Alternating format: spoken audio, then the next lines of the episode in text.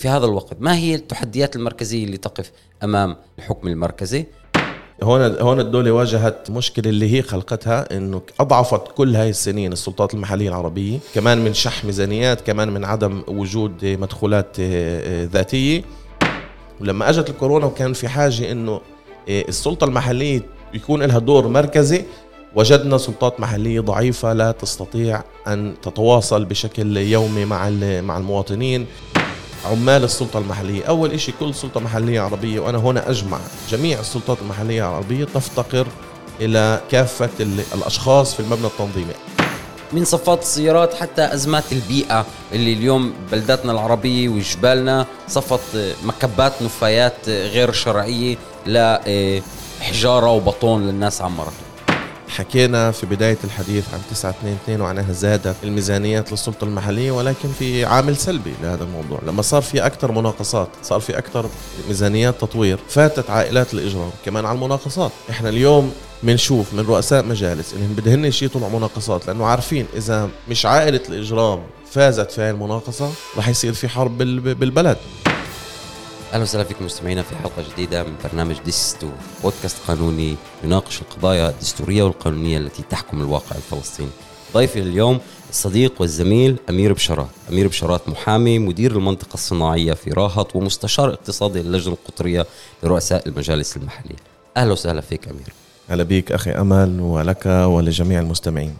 يعني محادثتنا اليوم أنا حاب نفتتحها في حديث أولي حول السلطات المحلية العربية. كونك اليوم أنت تعمل إيه، مستشار اقتصادي للجنه القطرية لرؤساء المجالس العربية. وكوننا بالفترة الأخيرة شهدنا حديث طويل حول إيه، السلطات المحلية العربية قدرتها على التعامل مع التحديات التي تفرضها عليها الواقع وقدرتها على النشاط الاقتصادي. وبدنا نسمع منك بعد التجربة إيه، في راهط واليوم مع السلطات المحلية العربية حول تصورك ل قدرة السلطات المحلية العربية في هاي المرحلة الحساسة من أزمة صحية كبيرة وأزمة اقتصادية كمان إجت ما بعد الأزمة الصحية. على قدرتها على التعامل مع هاي التحديات؟ وأزمة اجتماعية كمان أنا بضيف. آه، طبعا. أكيد الجريمة والعنف. أكيد. السلطة السلطات المحلية هي آه، آه، منظومة حياتية. يعني هي الأقرب إلى آه، حياة المواطن العربي اليوم آه، آه، في الداخل في في هاي الدولة. إحنا بنتحدث على قوانين تم سنها بسنوات الستين اللي ما زالت جاريه على اليوم على كيفية تنظيم وإدارة السلطات المحلية كيف هذا الحكم ما يسمى الحكم المحلي. طبعا عندي كتير اختلاف مع استعمال المصطلح حكم بكونها هي كثير متعلقة في الحكم المركزي ولكن هو هو يسمى الحكم المحلي في إسرائيل. إيه، هناك من يقول أنه الحكم المحلي هو الذراع الطويل للحكم المركزي. نعم كمان هيك بدها يعني هيك الحكم المركزي يريد أن يستغل الحكم المحلي كذراع طويلة. كأداة للتحسين أو لإعطاء الخدمات للمواطن العربي مش كحكم ذاتي آه، آه، له الاستقرار والذاتية في آه، اتخاذ القرارات. فعشان هيك في في إشكالية على استعمال المصطلح حكم محلي. خلينا نستعمل السلطة المحلية. السلطة السلطة المحلية العربية إحنا شفنا بالأساس من سنة 2015 من لما تم سن القرار الحكومي 922 ويليه قرارات 959 للمجتمع الدرزي و2397 للمجتمع العربي في النقب وهي قرارات حكومية تخصص ميزانيات غير اعتيادية للسلطات المحلية من أجل التطوير الاقتصادي. نعم 100% 922 هو كان الأول منه تفرعت بعدين قرارات حكومية ثانية إيه، حسب المجتمعات حسب الجغرافيا يعني إيه، العرب في النقب العرب البدو في الشمال الدروز وباقي المجتمع العربي. وهناك حديث عن خطة اقتصادية جديدة الآن في الأيام آه اللي ما يسمى اليوم 9 2 3 ولكنها مش راح تكون أكثر من 300 يعني. بس آه هذا الحكي على قرار حكومي جديد اللي كمان يشمل جميع المواطنين العرب لأول مرة كمان المواطنين العرب في البلدات المختلطة. بعد اللي صار بآخر كم من شهر الهبة اللي صارت آخر كم من شهر شفنا أنه كمان في حاجة أن ندعم المواطنين العرب في البلدات المختلطة. ماذا حدث بال 2015 كيف أثرت هاي الخطة الحكومية؟ هذا وهي كانت البداية. لأول مرة تم اعتراف من قبل الدولة أنه في شح ميزانيات وفي عدم مساواة إيه، عند المواطنين العرب في هاي الدولة. طبعا مش محبة في المواطنين العرب. إحنا بنعرف إنه كان حكم نتنياهو ولكن وزارة المالية فرضت على الحكومة أن يكون في استثمار ميزانيات لمشاريع تطويرية في البلدات العربية عشان إضافة أماكن عمل عشان تطوير المصالح التجارية عشان تطوير طبعا كمان آه، مدخولات البيتية. وهيك ممكن إن نسد الفجوات الموجودة بين المجتمع العربي والمجتمع اليهودي عن طريق هذا القرار. وسد الفجوات هو يعني هي مصلحة عامة من أجل مصلحة, مصلحة اقتصاد إسرائيل. مصلحة اقتصادية لترفيع مستواها في الأو إي سي دي مش محبة خلينا نحطها على يعني بالأول مش محبة في المجتمع العربي ولا فجأة صار صار في عدل تجاه المواطنين الفلسطينيين في إسرائيل وإنما مصلحة اقتصادية بحث فلأول مرة ب 9 2 2 إحنا شفنا إنه زادت تطو... الميزانيات للتطوير، الميزانيات اللي تسمى في المصطلحات السلطات المحلية ميزانيات غير اعتيادية. ميزانيات اللي أعطت السلطات المحلية إمكانية لتطوير أكثر شوارع مرافق عامة مباني عامة مباني بلديات ممكن يكون وغيرها من المشاريع. هاي أعطيت للسلطات المحلية. وعلى وأنا بس بدي أحط هنا ملاحظة بقرار الحكومة للأقلية العربية الموجودة في النقب 2397 كانت لأول مرة الدولة الحكومة تعطي ميزانيات تخصص ميزانيات لكمان ليس فقط للميزانية غير الاعتيادية أي لميزانيات التطوير وإنما أيضا لميزانيات جارية. لأول مرة إحنا لاحظنا أنه وزارة الداخلية عم تستصعب تطلع هاي المصاري لأنها لأول مرة عم تتعامل مع ميزانيات اللي بتروح لنوادي بتروح لإضافة عمال في قسم تحسين وجه المدينة لملاعب الفوتبول لغيره. وكانت لأول مرة كانت وزارة الداخلية اعترفت إنه ممكن يكون في سلة خدمات وفرضت على السلطات المحلية العربية في النقب إنها تعطي هاي سلة الخدمات.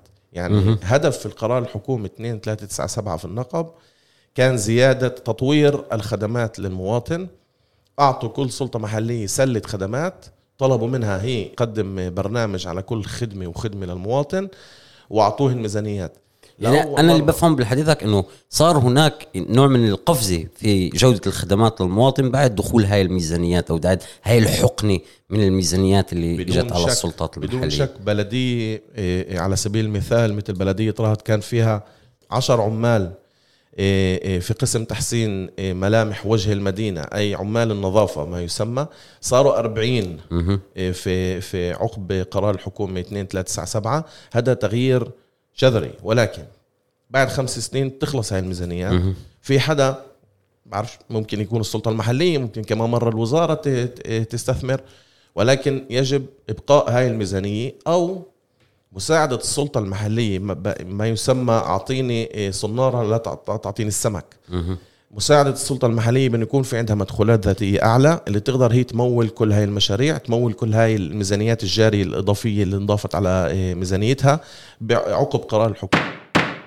سنتحدث في في استمرار الحلقة حول آه، يعني المعيقات الاقتصادية وسياسات الإفقار آه، ومن أين يعني نتجت هذه الفجوة العميقة بجودة الخدمات ما بين البلدات العربية والبلدات اليهودية؟ حصل خلال الخمس سنوات الأخيرة كمان إشي اللي يعني شدد على أهمية دور السلطة المحلية. صح. حصل كمان آه، أزمة الكورونا اللي فاجأت كل البلاد كل العالم آه، بشكل عام.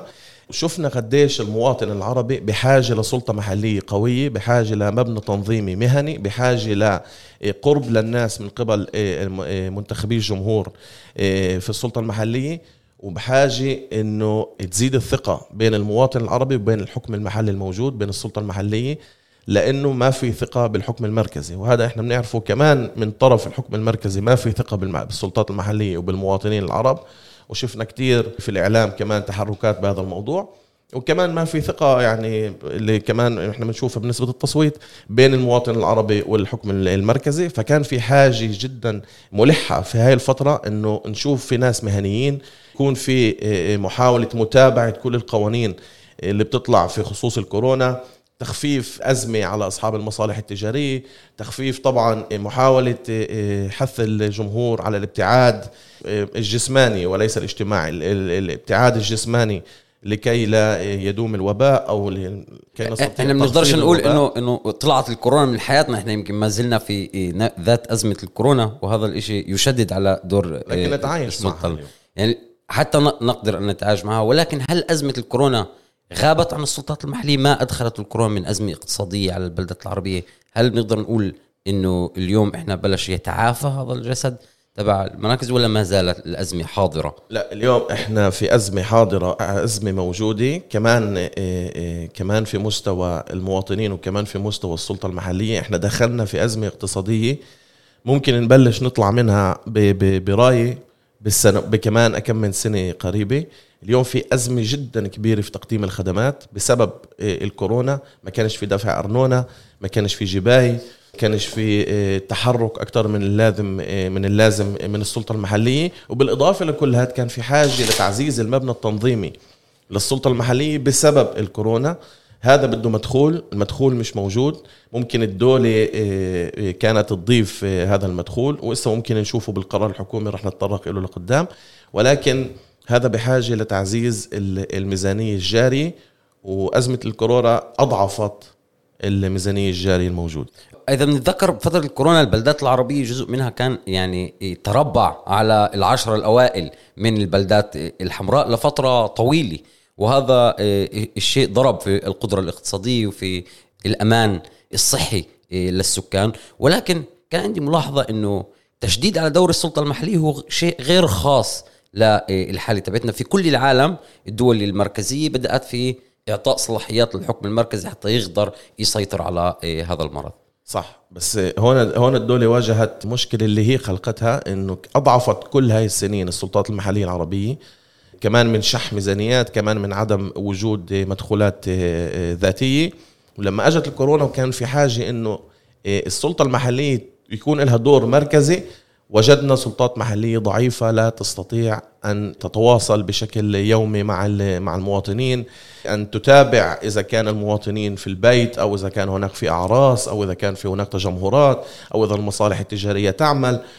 وجود الشرطة غير كافي بشكل عام بالدولة كلها. ما كانش في الشرطة لا, لا تستطيع أن تكون في 257 سلطة محلية في البلاد.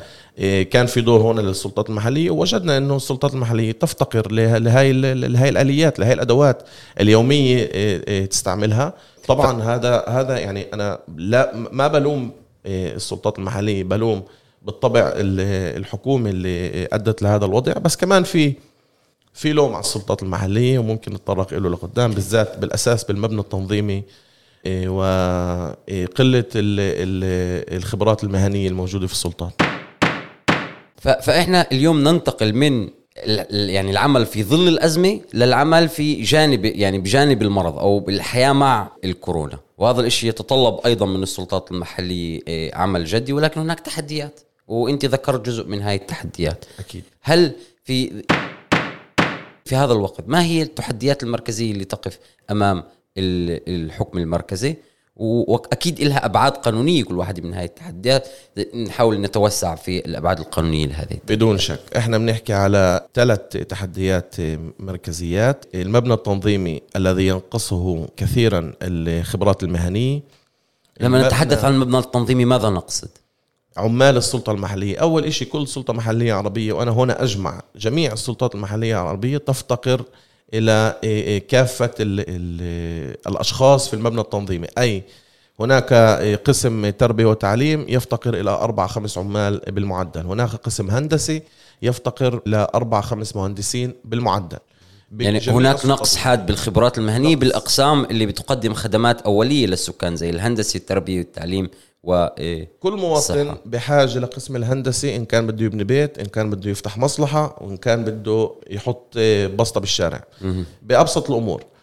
ذات الشيء طبعا بالتربية والتعليم كل واحد عنده أولاد هو بحاجة كمان لقسم التربية والتعليم. فهناك نقص كبير في الخبرات المهنية. وفي كمان يعني جزء من المشكلة هي مش بس قلة الخبرات المهنية وان الخبرات الموجودة اليوم الأشخاص الموجودين اليوم. في المحلات المركزية في المناصب المركزية في السلطة المحلية هن كمان يفتقرون للخبرة المهنية أو إنهن كبار في السن أو إنهن السنين آه، ممكن كنا نستعمل خبرتهن لفترة معينة ولكن بعد سنين آه، آه، صار في حاجة لتبديل تغيير العمال في السلطة المحلية. وخصوصا في عصر التكنولوجيا أنت بحاجة إلى شباب وإذا بحاجة لاشخاص أصحاب خبرة مهنية عالية من أجل التعامل مع طبعا جميعا. انت أنت بحاجة لمأسسة اي أي م- مثلا على سبيل المثال ال GIS في قسم الهندسة أنت بحاجة إنه كل المعلومات اللي موجودة اليوم في السلطة المحلية تكون في مكان واحد تستطيع دائما دائما استخلاصها استعمالها ترتيبها من جديد يعني أن تغير بها كما تريد حسب المناطق أو حسب الأهميات العمال الكبيرين في السن أو العمال ال- ال- القدماء صعب عليهم استعمال اليوم ال- الحاسوب وكل برامج ال G آي إس الموجودة وال- والبريد الإلكتروني وغيره يعني إحنا نتحدث عن. فجوة مش فقط بالخبرات المهنية كمان بالبنية التحتية التكنولوجية وقدرة السلطة المحلية على مجارية التحديثات اللي عم بتصير صحيح واليوم عشان اليوم بالذات اكتشفنا هذا الموضوع في الكورونا كمان أنت عشان تقدر تسيطر على كل ما هو موجود في السلطة المحلية أنت بحاجة إنه يكون في عندك رؤية لكل ما هو موجود بالسلطة مهم. المحلية أي في آخر حارة في أبعد حارة في البلد بحاجة تعرف كم مواطن في هناك كم سيارة كم بيت وإلى غيره. وهي كلها موجودة بالبنية الرقمية ال- التكنولوجية الموجودة للسلطة المحلية. وإذا السلطة المحلية تفتقر لهاي ال- الادوات الأدوات الآليات فما كانش في سيطرة بالكورونا. ما كناش نعرف غير إذا رحنا لفينا في البلد. يعني بنرجع لل- للعهد القديم اللي كان إنه شخص يطلع على الحارة ويعد البيوت ويعد الناس ويسأل مين مين ساكن هون. طبعا التعيينات اللي كانت على مدار السنين التعيينات اللي هي استبقت السؤال. ما كنت أسأل إنه إجت خطة اقتصادية وإجت معها كثير من التعيينات والوظائف. هل هاي التعيينات سدت جزء من الحاجة ولا شفتوا إنه ما زالت الفجوة كبيرة وشو المشاكل اللي كانت بهاي التعيينات؟ لا لا ما زال. هي كانت قلة قليلة. يعني كان في بال بالخطة الحكومية 922 إيه، كمان ما يسمى بالتغيير المبنى التنظيمي للسلطات المحلية. ال- وزارة الداخلية أعطت ميزانيات لكتابة خطة عمل. لتغيير المبنى التنظيمي. من ال 2015 أقرت ال- الخطة الحكومية. لليوم بعد في سلطات محلية بعدها ما إيه، استغلت هاي الموارد. اليوم بس عم بيطلعوا لمناقصة لجسم اللي يساعدهن ببناء المبنى التنظيمي الجديد وحتى مع هاي الميزان- الميزانيات الموجودة لا يكفي جميع المبنى التنظيمي لأنه واحدة من التعليمات لوزارة الداخلية هي أنه المبنى التنظيمي الإضافي اللي راح يكون هو راح يكون محدد لخمس سنين أو مع إمكانية أنه يكون في له تمويل بعد خمس سنين. وزارة الداخلية ما بدها تزيد كمان مصروفات على السلطة المحلية بدون ما يكون في بالمقابل مدخولات.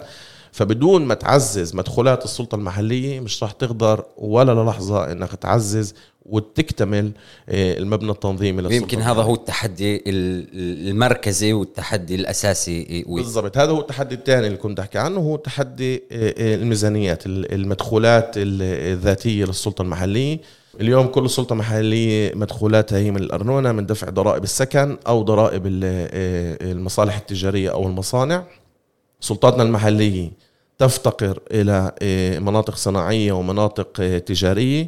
وتعتمد بالأساس على ال- المدخولات من الأرنونة للسكن، الأرنونة للسكن هي مدخولات اللي هي خاسرة من الأول، يعني بدك تحكي بال- بال- بالمعادلة إذا بدنا نقارنها آه، بيت اللي مكون من ثلاث أشخاص اللي مصروفاته هي ممكن تكون عشرين ألف وبفوت بالشهر عشرة آلاف. فهو دائما خاسر. إنه ال- إيه، مدخولات من الأرنونة على المسكن لا تلبي جميع لا تغطي الاحتياجات والخدمات التي يقدمها المجلس ولا مرة السلطني. لأنه ال- ال- المجلس المحلي بعطي خدمات إيه، إيه، إيه، نفايات لم النفايات بعطي خدمات اجتماعية بعطي خدمات تربية وتعليم إيه، بعطي خدمات نوادي بعطي خدمات إيه، غيرها من إيه، تطوير المرافق وتطوير الشوارع ولا مرة الأرنونة تدفع إيه، للسكن تكون كافية لتلبية كل احتياجات المواطن فعشان هيك اللي اللي بيغطي اللي بيعمل الموازنة هو آه، دفع أرنونة غير للسكن ليست للسكن يعني ارنونه تجارية. مصانع آه اللي هن بيدفعوا بالمعدل آه، آه، ثلاث أضعاف عن شو بدفع الباقي البيت وهو يعني بتطلب احتياجات أقل بكثير هو ما بتطلب احتياجات في مجال التربية والتعليم أو الخدمات المجتمعية مهم. إنما فقط في النفايات والحيز العام السلطات المحلية مجتمعة يعني تشمل 3% فقط من المناطق الصناعية الموجودة في إسرائيل. هذا طبعا آه، بحث اللي عملوه في سيكوي. وهذا غير كافي يعني بالمرة لسد هاي الفجوة الموجودة ما بين المدخولات والمصروفات للسلطة المحلية. فإحنا السلطات المحلية بنيجي عليها باللوم بالآخر انها ما بتعطي خدمات كافية ولكنها ما يعني مش بإستطاعتها إنها تعطي خدمات كافية لأنه ما معها مدخولات كافية. بدي أسأل السؤال إنه كيف ال- ال- الشح بالميزانيات هذا بخلي البلدات العربية كل الوقت متعلقة في الحكومة فيش عندها قدرة إنها تتخذ خطوات مستقلة. وين هذا الإشي بيكون ظاهر أكثر إشي؟ إيه، أنا بس بدي أنوه الشغلة اللي حكيته قبل. أنا ما بفكر إنه إيه، إحنا نفترق ل... ن- نفتقر لجميع المقومات لرفع مستوى ال- الحياة. إحنا فرض علينا إنه ما يكون في عنا أماكن تشغيل. أنا لما بحكي عن مناطق صناعية بحكيش بس على الارنونه اللي مم. تدفع للسلطة المحلية. منطقة صناعية هي مكان تشغيل في البلد. اليوم في كتير بلدات عربية إيه، إيه، بالأساس النساء ما بتطلع تشتغل برا البلد. فبحاجة لأماكن تشغيل في البلد نفسها. لما ما في مناطق صناعية هذا هاي بطالة. إيه، بحط على جنب موضوع ال- الأرنونة. بدون علاقة الأرنونة الأرنونة ممكن تنحل على سبيل المثال وهذا إيه، اقترح إيه، في قانون إنه إيه، الدولة تجمع كل الأرنونة إيه، اللي هي مش من السكن اللي يتم جبيتها في الدولة كلها وتوزعها حسب عدد السكان. ساعتها ممكن حلينا مشكلة البلدية ولكن ما حلينا مشكلة التشغيل. وهذا موضوع متعلق ولكنه أساسي محور أساسي جدا. ما في عندنا أماكن تشغيل في السلطات المحلية العربية. البلداتنا هي أشبه بأوتيلات. أنت بتروح بتنام. آه، بس بس في عندك آه، آه، فئة كاملة اللي هي ما بتطلع ما بتقدر تيجي تنام وتطلع تاني يوم على الشغل. صعب عليها تطلع برا البلد تشتغل فهي بحاجة لمك- لمكان داخل البلد. ولما اليوم بالكورونا لاحظنا إنه في إمكانية إنه نشتغل من البيت. صار في شركة high-tech اللي تشغل ناس من البيت صار في شركة telemarketing اللي تشغل من البيت. إحنا نفتقر حتى للبنية التحتية في الإنترنت و, و...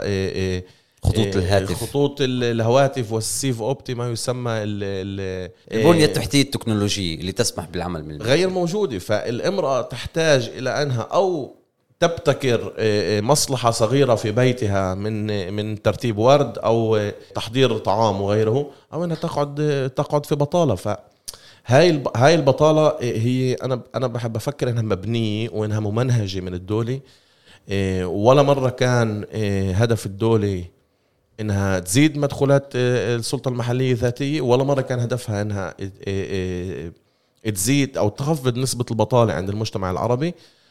وإنما هدفها إنه زي يعني أنا كتير بشبهها في في ملف Excel.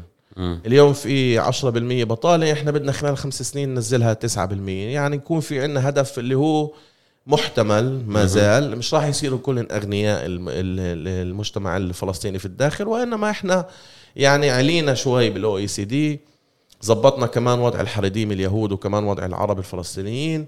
ما خليناهن أكثر من اللازم يعيشوا في رفاه اجتماعي ولكن يعني إيه، حطينا هدف ووصلنا له.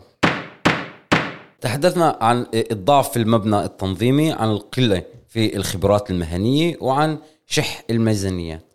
ولكن في بين حديثك ذكرت أكثر مرة قضية ضبط الحيز العام قضية قدرة البلد على تمنع الأزمات الاجتماعية ما تحدثنا عنه بالعنف والجريمة أو حول الكورونا وأنها تضبط الحيز العام. وهذا الشيء يظهر أنه هناك أزمة في هذا الموضوع في بلداتنا. كيف حضرتك بتشوف هاي الأزمة؟ بما يتعلق بحتى صفات السيارات من صفات السيارات حتى أزمات البيئة اللي اليوم بلداتنا العربية وجبالنا صفت مكبات نفايات غير شرعية لحجارة وبطون للناس عمرته كل هاي الأبعاد كل هاي المحاور اللي حكينا فيها بتأدي كمان بالآخر لأنه ما فيش الحيز العام أصبح إيه، إيه، مكان لا أحد يسيطر عليه وإذا حدا سيطر عليه هو بيكون بالآخر عائله إجرام. يعني الوظيفة أحد الوظائف المركزية للسلطة المحلية بمبناها التنظيم القوي هي فرض السيطرة على الحيز العام إدارته وإدارة المصلحة العامة. بدون شك وسن قوانين مساعدة وإتاحة الحيز العام للجميع. اليوم حيزنا العام في في أغلب بلداتنا العربية هو متاح فقط أو لأصحاب المصالح أو للرجال ممكن يمشوا ولكن أغلبهم بيجوا بالسيارات. إحنا نفتقر اولا للتخطيط. لا يوجد ولا وظيفة مخطط مدن في سلطاتنا المحلية العربية. يمكن اليوم بعد برامج من الدولة اللي أدخلت بعض هاي ال- ال- الوظائف وأغلبهن مش عرب وإنما يهود. فما في عنا رؤية اللي هي تخطيطية للبلد كاملة. المهندس ال- البلدية لما هو بيشتغل كمان على مشاريع عشرة ألاف شيكل ومليون شيكل وثلاثة مليون شيكل وكمان بده يخطط إيه، خارطة هيكلية وكمان بده يخطط خرائط تفصيلية هو بالآخر ب- شخص واحد ما, بي ما مش سوبرمان. أزمة التخطيط هي أزمة معروفة وهي طويلة السنين ونابعة عن سياسات حكومية. بس لها إسقاطات على الحيز العام. الحيز العام لازم يكون في له يبلش الضبط للحيز العام هو من من التخطيط. أنت بتخطط بتخطط بتتيح للجميع. اليوم ما في تخطيط ما في ضبط ما في تواجد هناك للسلطة المحلية. وأنا كمان يعني بحط جزء من هاي المسؤولية كمان على قضية المجموعات الضغط الموجودة في المجلس البلدي. المجلس البلدي مكون معروف على الجميع إنه في عدم تمثيل للنساء في المجلس البلدي. مش فقط النساء ولكن النساء هي جزء من ال... هي فئة اللي غير ممثلة في المجالس البلدية العربية. الأغلب التمثيل في المجلس البلد العربي هو من أصحاب أموال رؤوس أموال أو أصحاب مصالح. القوانين المساعدة اللي بإمكانها ضبط الحيز العام تتعلق كثيرا في ضبط إيه، إيه، كمان تفاعل المصلحة التجارية إيه، وجود المصلحة التجارية وطبعا كمان كيف نرى المصلحة التجارية؟ أي وين تكون دخلت المصلحة التجارية؟ وهل لها ترخيص بناء؟ وهل لها ترخيص تجارة؟ وكل التراخيص اللازمة. فإحنا يعني أنا أنا بربطه ما ما عملت بحث اللي بقدر أحكي لك بالضبط إنه في ربط مباشر ما بين هذا الموضوع ولكن عدم تمثيل النساء تمثيل المصالح التجارية ورؤوس الأموال في المجلس البلدي يؤدي أنه ما في قوانين مساعدة اللي تدير إيه، عملية إقامة مصلحة تجارية اللي تدير عملية تفاعل المصلحة التجارية مع الحيز العام. اليوم أنت عشان تقدر تمشي على الرصيف بدك تمرق من إيه، من بسطة من طاولة من كرسي من سيارة خربانة بنص سيارة الشارع. خربانة سيارة خربانة هذا موضوع اللي هو أو, أو سيارة كبيرة يعني موجودة أو سيارة اللي بت بدها إيه، إيه، تنقل أغراض من محل لمحل أو أو مجرد ناس اللي المحل ما كفهاش أو أصحاب مصالح. وسيطرت على الحيز العام. سيطرت على الحيز العام. فعشان تقدر تردعها بدك إمكانية إنك تسن قوانين في المجلس البلدي وبعدين تستعمل هاي القوانين. يعني القوانين ما بكفي بس تسنها كمان بدك تستعملها. فإحنا بنشوف في قلة قليلة من الاستعمال هاي القوانين وهذا شيء شيء سيء جدا. وهذا بيؤدي إنه كمان ما في تمثيل للنساء. الإمرأة بدها تطلع مع مع ابنها على الحيز العام على الدكانة على محل أواعي في البلد تشتري.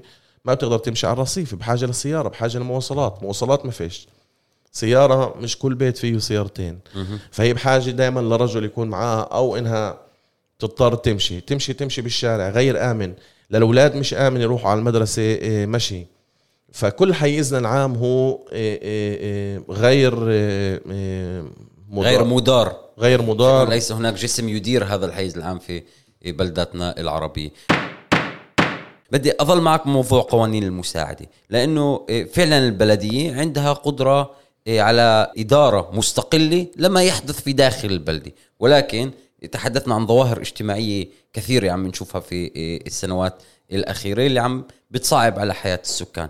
هل المواطنين عندهم قدرة أن يأثروا في هذا المجال؟ وهل بالآخر ممثلين الموجودين بالبلدية؟ الناس بتنتخبهم هل بتشوف أنه هناك تغيير في بما يتعلق بوعي السكان لحقوقهم من البلدية وتأثير ذلك على التصويت تبعهم ولا إحنا ما زلنا بمرحلة تبع التصويت حمائلي وتصويت عائلي؟ وهناك الكثير من الأمثلة اليوم على الساحة في هذا الموضوع بالذات.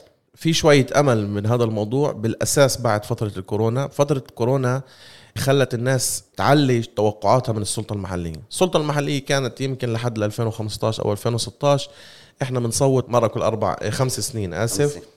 بنسجل أولادنا مرة بالسنة في المدارس أو في الحضانات وما بنعرف شيء ثاني بندفع ارنونه ولكن بعد فترة الكورونا شافوا إنه في قرب جدا كبير ما بين المواطن وما بين السلطة المحلية. في إمكانية إن السلطة المحلية تأثر على تصرف الناس في الحيز إيه، إن كان العام وإن كان الخاص. بالكورونا كان في كمان تأثير على الخاص. كم بدك تعطي خدمات للناس الموجودة في حجر صحي وللاختيارية اللي بدهن أكل؟ ليش الجيش الإسرائيلي هو اللي يوزع إيه، أكل على صح. بلداتنا العربية؟ صح. ليش مش السلطة المحلية نفسها؟ السلطة المحلية المفروض تعرف أق... أق... تكون أقرب إلى إلى الناس. ولكن المنيح اللي طلع من كل هذا الموضوع إنه إيه، صار في توقعات عالية من السلطة المحلية. صاروا الناس يطلبوا وبالذات بمواقع التواصل الاجتماعي في طلب لأن كان الخردة سيارات الخردة إنه يشيلوهن عن الشارع.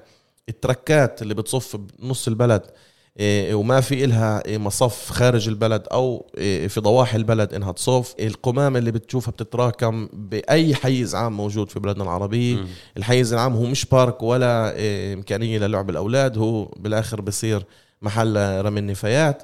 موضوع المصفات في في مراكز المدينة مم. مش في كل مكان ولكن في المناطق الصناعية في مراكز المدينة وهل هذا الإشي بتتوقع إنه يكون له إسقاطات على التصويت تأثير على التصويت فيما بعد رح. رح يكون في له إسقاطات لا شك ولكن حتى لو كان في له إسقاطات هذا ما بيقول إنه رح نرجع لوراء إحنا خلص تخطينا هاي المرحلة رح يكون في كمان شوي قوانين مساعدة في جميع السلطات المحلية حتى في المصب في المصفات حتى لو كان ال- ال- الثمن هو إنه رئيس المجلس المحلي ما ينتخب إيه، لدورة تانية ولكن مش رح نرجع لورا. اليوم هذا مطلب شرعي ولجميع المواطنين. في كمان في مدخول اقتصادي من القوانين المساعدة. القوانين المساعدة اللي بتحكي على اللافتات للمحلات.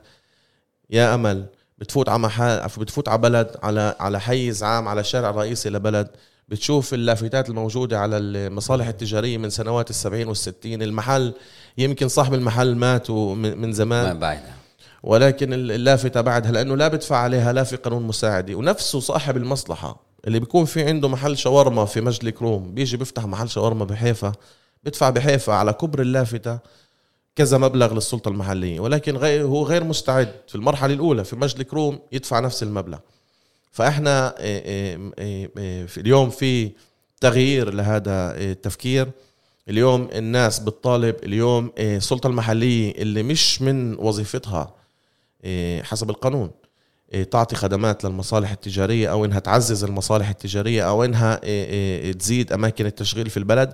ولكن اليوم السلطة المحلية فاهمة إنه دورها هي إنها تعزز ال- المصالح التجارية.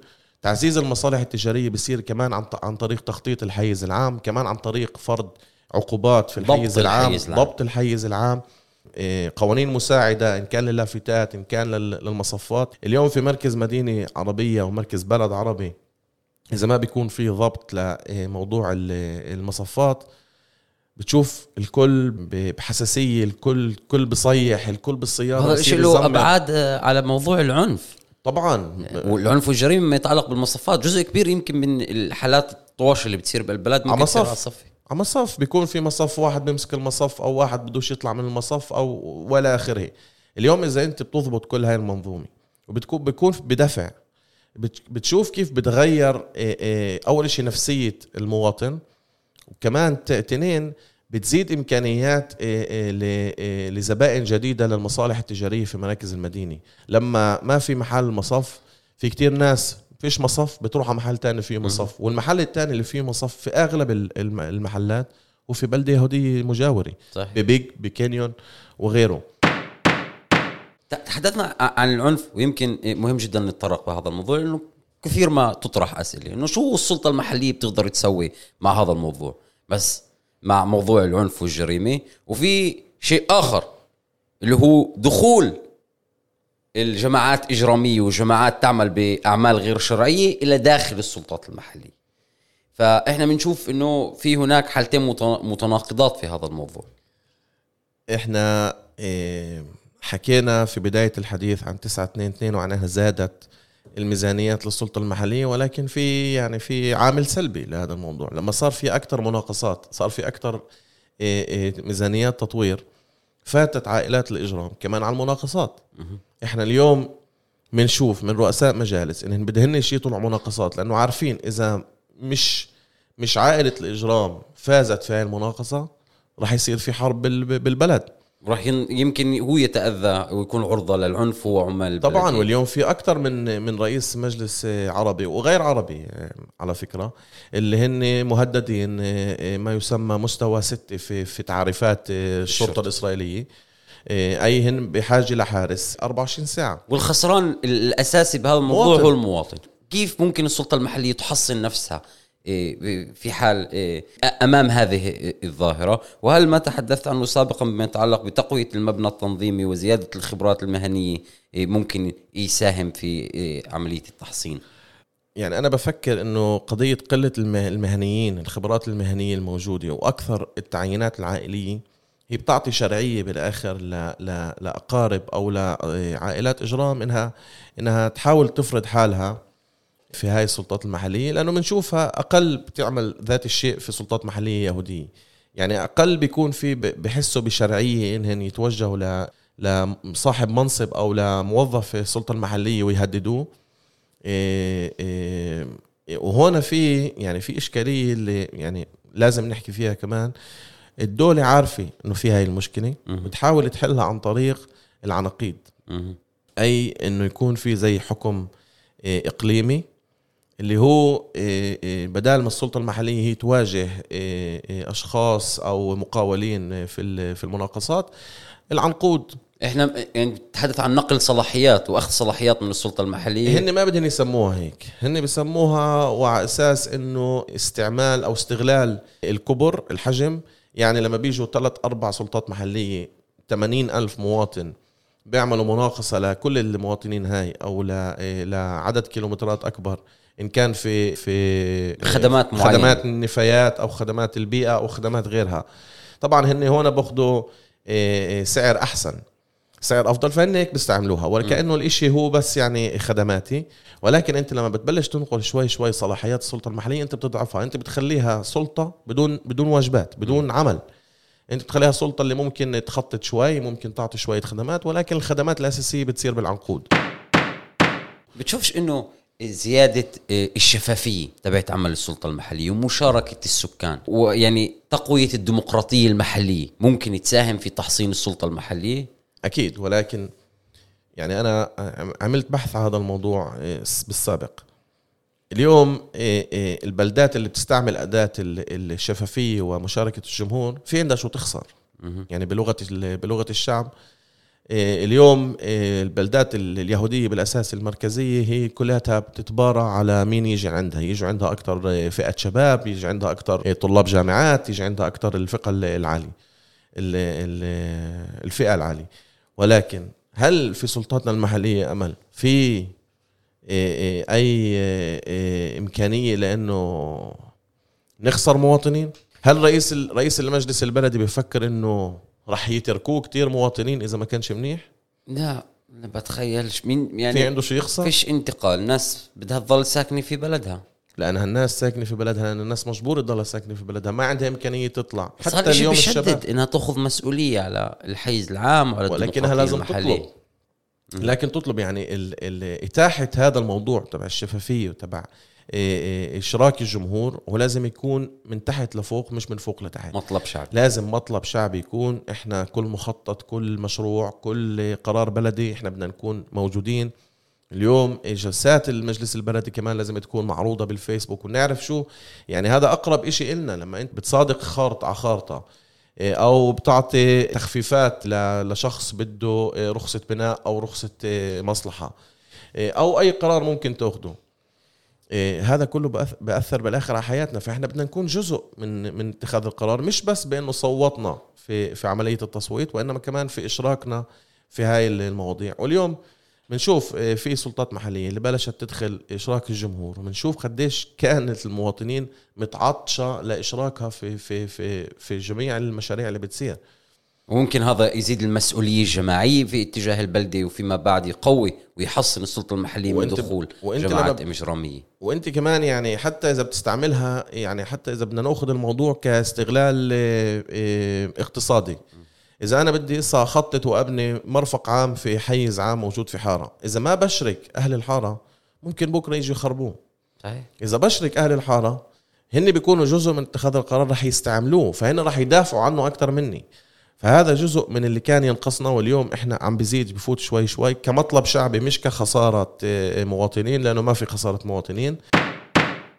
نتقدم أنا وياك باتجاه نهاية حلقتنا وحديثنا الشيق جدا وكان بودي أسألك تحدثت إنك أنت اليوم تعمل كمستشار اقتصادي للجنة القطرية لرؤساء المجالس العربية وهي اللجنة القطرية تجمع تحتها المجالس العربية وتحاول أن تترافع أمام الحكومة بما يتعلق بتغيير السياسات وأيضا الاحتجاج على السياسات الحكومية المجحفة اتجاه السلطات المحلية. وهون كنت بدي أسأل تحدثنا كثير عن تخطيط استراتيجي عن التخطيط المستقبلي. والبلدات العربية بسبب كل اللي حكيناه مش دائما عندها القدرة إنها تخطط مستقبليا. هل إيه، اللجنة القطرية تأخذ بهذا إيه، الدور؟ وها بتشوفوا شراكة من قبل السلطات المحلية من أجل يعني النظرة النظره مستقبلية على قدرة السلطات المحلية الوقوف أمام التحديات اللي يفرضها علينا الواقع والمستقبل. طبعا إيه خلينا نبلش هيك. اللجنة القطرية اليوم تعمل مع إيه إيه مع سلطة التطوير العرب اللي يرأسها اليوم أو يديرها اليوم حسان طوافرة على القرار الحكومي الجديد. القرار الحكومي الجديد طبعا ضمن الاتفاقيات الحكومية اللي كانت بيحكي على 30 مليار شيكل لخمس سنين في جميع الاحتياجات للمجتمع العربي. وبالإضافة اليهم كمان 20 مليار في في موضوع المواصلات والبنية التحتية وكمان 2.5 مليار في موضوع العنف. إيه، آفة العنف الموجودة في مجتمعنا. فإحنا إيه، مع إيه، حسان مع السلطة واللجنة القطرية والجمعيات اللي بيشتغلوا معنا الجمعيات العربية اللي بيشتغلوا معنا إحنا عم نحاول اليوم نبني الخطة الحكومية اللي تكون يعني أكتر إشي أكتر خطة اللي ممكن تستنفذ جميع الموارد لتحسين آه، آه، الخدمات للمواطن وتحسين حال المواطن العربي إن كان من موضوع التشغيل التربية والتعليم الرياضة الثقافة الخدمات الاجتماعية المواصلات أكيد آه، وطبعا القوانين المساعدة. بهاي النبرة المتفائلة وبنظرة إلى المستقبل نحاول ننهي حلقتنا. ولكن كل ما تحدثت عنه برجعنا لبداية المحادثة أنه بدون تقوية المبنى التنظيمي للسلطات المحلية زيادة الخبرات المهنية بدون تعيينات عائلية أو تعيينات خارج عن القانون وتطوير قدرة إيه، مستقلة على اتخاذ القرار. هاي هي يعني قضايا مركزية حتى نقدر نتقدم اتجاه هذا المستقبل. بحب أشكرك كثير على هاي المحادثه وبهذا أصدقائي نصل لنهاية حلقتنا من برنامج دستور. كان معكم أمل عرابي من حيفا وحتى الحلقة القادمة لعله خير. يعطيكم العافية. زملائي وأصدقائي لا تنسوا متابعتنا عبر منصة عرب 48 وتطبيقات البودكاست لحلقة جديدة وملف جديد من برنامج دستور